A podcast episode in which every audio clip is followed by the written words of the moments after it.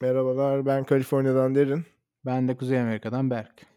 Hoş geldin Berk. Bugün geçen hafta başlattığımız konuya devam edeceğiz. Ee, otonom araçlar 2. Aynen. Birazcık geleceğinden yani birazcık otonom araçların en son nerede olacağını düşündüğümüzden bahsedip oradan bir adım geriye atacağız. Şimdi otonom araçlar günün en sonunda bütün araçlar 5. seviye olacak. Yani trafikteki bütün araçlar %100 otonom olarak hareket edebiliyor olacak. Buraya gelmek için de arada e, birazcık karışık trafik olan senaryolarla karşılaşacağız. Yani e, bazı arabalar otonom, bazı arabalar sürücülü. Ve bu noktaya gelirken nasıl bir yoldan geçeceğimizi ve bu e, otonom araçların oluşturan şirketlerin nasıl kararlar vermesi gerektiğini birazcık bahsedeceğiz. Evet, um, şu an görüyoruz ki yani bu şirketler yasalara göre daha hızlı ilerliyor. Yani şirketler uh, yasanın izin verdiği şeyden daha ilerisine ulaşabiliyor. Bakacak olursak Tesla şu an izin aldıkları şey hani otoyollarda insanların 30 saniye falan elini direksiyondan çekebilmesi. Ama Tesla'nın yapabildiği şey daha fazla tabii. Bütün o otoyolu insanlar hiç dokunmadan kullanabilir. Bu durumda bunu en çok yavaşlatacak şey yasalar. Yani yöneticilerin karar verip ne zaman bu fonksiyonların insanlığa açılabileceğini karar vermesi. Sence yöneticiler bu konuda nasıl bir yön çizmeli? Yani şimdi birazcık otonom araçların toplum trafiğine girmesi birazcık etik yönlerden e, analiz edebileceğim bir konu bence. Etik derken ne dediğini bir de anlatır mısın? Etik dediğim şey aslında insanların neyin doğru olduğunu, neyin yanlış olduğunu düşünme tarzı. Herkes için değişken bir e, bakış açısı bu. Ve herkesin yani cevabı olmayan bir soru olduğunu düşünüyorum bunun. Yalnız toplum için teknolojinin ilerlemesinin toplumun için günün sonunda bizi faydalı yerlere getireceğini düşünüyorum. Bu da yaşamda kolaylık, satın alamayacağımız bir şey olan fazladan zamana daha fazla erişim kazanmak gibi faydaları olacak bence. Cevabı olmayan soru dediğin şey etik nedir'in cevabı yok mu? Hayır. Otonom araçlara ne zaman yönetim izin versinin mi cevabı yok? Evet, onun cevabı olduğunu düşünmüyorum. Evet, kesin bir cevabı yok bence de. O yüzden tartışıyoruz. Um, peki şeye girelim o zaman. Teknolojinin amacı nedir ve yönetim bu teknolojiye insanlara ulaşsın diye ne yapması lazım? Teknoloji amacı söylediğin gibi insanın hayatını kolaylaşması. Bir düşünce egzersizi olarak düşünürsek 50 yıl önce dünyanın en zengin insanlarından biri mi olmak istersin? Yoksa günümüzde ortalama para kazanan biri mi olmak istersin? Bence kesin bir şekilde günümüz dersin. Çünkü hayat şartların çok daha iyi olur. Buna katılıyor muyum emin değilim. Ne kadar çok paran olursa olsun hastalıktan kurtuluşun çok daha düşük. Değil mi? En basitinden bakarsan. Onun dışında yollar da Geçmişin en zengini günümüzün en fakirin ulaşabileceği şeylere bile ulaşamaz. İnsani değerlerin farklı olduğu bir dünyada herkes için aynı şey olacağını herkes için herkesin bakış açısının ortak noktada birleşeceğini konuşamayız bence. Kabul ama yani düşün 50 yıl, günümüzde ortalama para kazanan bir insan dedim. Çünkü günümüzde yaşam şartları çok kötü olan gerçekten çok insan var. O problemden biraz ayırmak istedim bunu. Yani teknoloji ilerledikçe ya mesela çok basitten şöyle düşün. Eskiden hani arabalarda şey yoktu. Cruise control ucuz arabalarda yoktu ya da işte hani monitoring kameralar, backup cam yoktu. Günümüzde en ucuz arabada bile var ve hani yasa bunu zorunlu kılıyor. Pahalı olan şeyler teknoloji ilerledikçe ucuzluyor ve bir süre sonra o kadar ucuz oluyor ki herkesin elinde var. Değil mi? Telefon mesela iyi bir örneği. Ve aynı şekilde 50 yıl önceye bakacak olursak 50 yıl önceki çok para satın alabileceği şeyler günümüzde az para alabileceği şeyler. Yani neye, neye değer verdiğin önemli ama averaj bir insan için diyorum. Ben yine kesin katılmıyorum dediğine. Çünkü bu bahsettiğin teknolojik gelişmelerin faydaları görülebilir kesinlikle.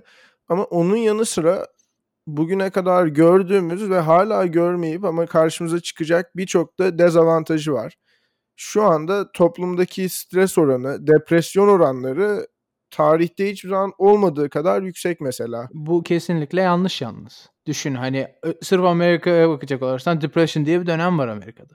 Günümüzde insanlar tam tersine. O zamana göre kat ve kat daha mutlu ve insanların 50 yıl öncesine bakarsan hayat miktarları hani yaşadığı yıl sayısı günümüze göre çok ciddi daha düşük. Hani %30 daha düşük. Bunun büyük bir sebebi hani bebeklerin ölmesi evet. Ama hani onu bile ortadan çıkarırsan %15-20 daha daha az yaşıyor insanlar. Anlamadım ya. Şimdi sen çünkü toplum için bazı değerler biçiyorsun şu anda Berk. Ve bu değerler kimse yani herkes için aynı olmak zorunda değil. Yani ben bugün telefonlar, internet, sosyal medyanın yarattığı streslerden uzaklaşmam için benim bugün bir insan olarak kendimi gridden koparmam lazım. Geçmişte yani 50 yıl öncesine değil 1000 yıl öncesine git veya 2000 yıl öncesine git. İnsanlar etrafında aileleriyle yaşıyorlar. Refah seviyesini bilmiyorum. Muhtemelen çok daha yüksek ortalama bir insana göre şu anda. Eskiden mi şu anda mı daha yüksek? Eskiden. Dolayısıyla orada ortalama bir insan olmayı tercih ederdim muhtemelen şu anda ortalama bir insan olmaya göre. İlginç. Peki o zaman teknolojiye ilgin nereden geliyor? Ee, henüz cevaplanamamış birçok soru olduğu için ama bu bu cevaplar insanların hayatını zorlaştırıyor diyorsun. Hayır, her zaman değil. Teknoloji yeni bir yeni, yeni bir teknoloji, inovasyon oluştuğu zaman bunun hem iyi yönlerini hem kötü yönlerini araştırıp bunları hayata geçirirken buna karşı önlemler oluşturmak bence e, bu teknolojiyi geliştiren kişilerin sorumluluğu. Tabii ki ama şimdi senin önceki söylediğin şeye sosyal medya falan. İnternetin amacı nedir? Dünyada bilginin yayılması değil mi? Günümüzde insanların bilgi seviyesi 20 sene önceye göre bile 30 sene önce ve inanılmaz çok. Hani erişebildiğimiz bilgi sayısı da bildiğimiz bilgi sayısı da. Bunun yarattığı problemlerden biri evet insanlar hani dikkatini uzun süre tutamıyor. Çok fazla şey gördüğümüz için fazla hani data input'u var. Bu datanın bir bölümü bize korku yaratıyor. Değil mi? Sosyal medya. Yani bu insanlar hep daha mutlu bana göre. Böyle problemler yaratıyor. Ama böyle büyük değişmeler yaşadıkça dünya problem yaşaması imkansız. Bakalım hani 70 yıl önce mi arabalar icat edildi. Evet arabalar insanları öldürüyor atlı araçlara göre daha çok. Ama araba ata göre daha kötü demek gerçekten zor. Evet şimdi benim bahsettiğim konu biraz daha şu. Sosyal medyanın genç jenerasyonu daha depresif veya genç jenerasyonda dengesizliklere sebep olduğunu katılıyor musun? Kesinlikle ama bu hani çok iyi gelen bir şeyin daha ufak bir kötü yanı demeye çalışıyorum. Ve telefonlar üretildiği zaman veya ilk telefonu üreten kişi sosyal medyanın olacağından habersiz. Sosyal medyanın negatiflerinden habersiz. Ve genelde telefon değil de internetten bile başlayabiliriz bununla ilgili. Bu outcome'lardan habersiz. İnterneti icat eden kişi sosyal medyadan habersiz. Sosyal medya diye bir şey olacağından muhtemelen hiçbir haberi yok. Ve sosyal medyanın insanların mental health için çok çok çok fazla negatifleri olduğunu düşünüyorum ben. Dolayısıyla inovasyon yapan kişilerin inovasyonu hayata geçirirken daha çok immediate negatif etkilerini ve potansiyel negatif etkilerini düşünmek için daha çok vakit harcaması gerektiğini düşünüyorum.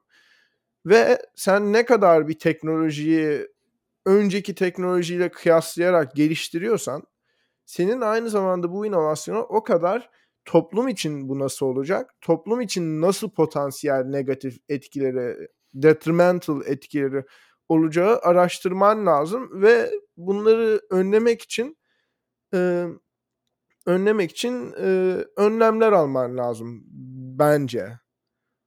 Dolayısıyla bunları yaparsan hem toplum ileriye doğru hareket eder hem de teknoloji ileriye doğru hareket eder. Maalesef burada teknolojinin gelişmesinin yavaşlamasına da sebep oluyor böyle şeyler. Çünkü sen %100 teknolojiyi geliştirmeye odaklanabilecekken aynı zamanda başka bir açıdan toplumu nasıl etkileyeceğine de odaklanmak zorunda kalıyorsun. Ama bence bu ikisinin beraber hareket etmesi lazım. Kesinlikle haklısın. Yarattığın teknoloji hani daha iyi bir bomba da yaratabilirsin kabul. Ama bu insanlığın değeri de çok önemli. Günümüzde internet üzerine yaratılan teknolojiler çok hızlı dağılabiliyor. Bu demek oluyor ki internet teknolojisi, yaratan insanların bunun üzerine çok ciddi düşünüp Hani insanlığa fayda sağlayacağına emin olacak şekilde ürünler yapması lazım. Sosyal medyaya bakacak olursak bence hala şey net pozitif. Yani kötü yanları çok ciddi ama iyi yanları daha büyük. Ya ben demeye çalıştığım şey orada fark edemediğin, senin yani yeterince vakit harcanmadığı için böyle negatiflerini ve potansiyel olarak oluşabilecek second, third, fourth degree negatiflerini buna yeterince vakit harcandığını düşünmüyorum. Dolayısıyla bir product üretiliyor. Bakıyorsun geçmiştekinden daha iyi şöyle avantajları var. Hadi bunu pushlayalım. Hadi bunu ıı, şey topluma yayalım gibi bakıyorsun. Halbuki burada biraz daha bunun topluma potansiyel olarak negatif etkileri nelerdir? Uzun dönemde. Evet ikinci, üçüncü cycle'da diye bakıp bunu önlemek için bir şeyler yapabilirsin. Mesela interneti üreten adam sosyal medyanın çıkacağını bilmiyor. Sosyal medyanın pozitifleri var ve negatifleri var. İnternetin de pozitif ve negatifleri var tabii Evet. ki. E, ama o daha immediate. Sosyal medya ikinci derece. Dolayısıyla sosyal medyanın negatiflerini adam o zamandan belki düşünemez.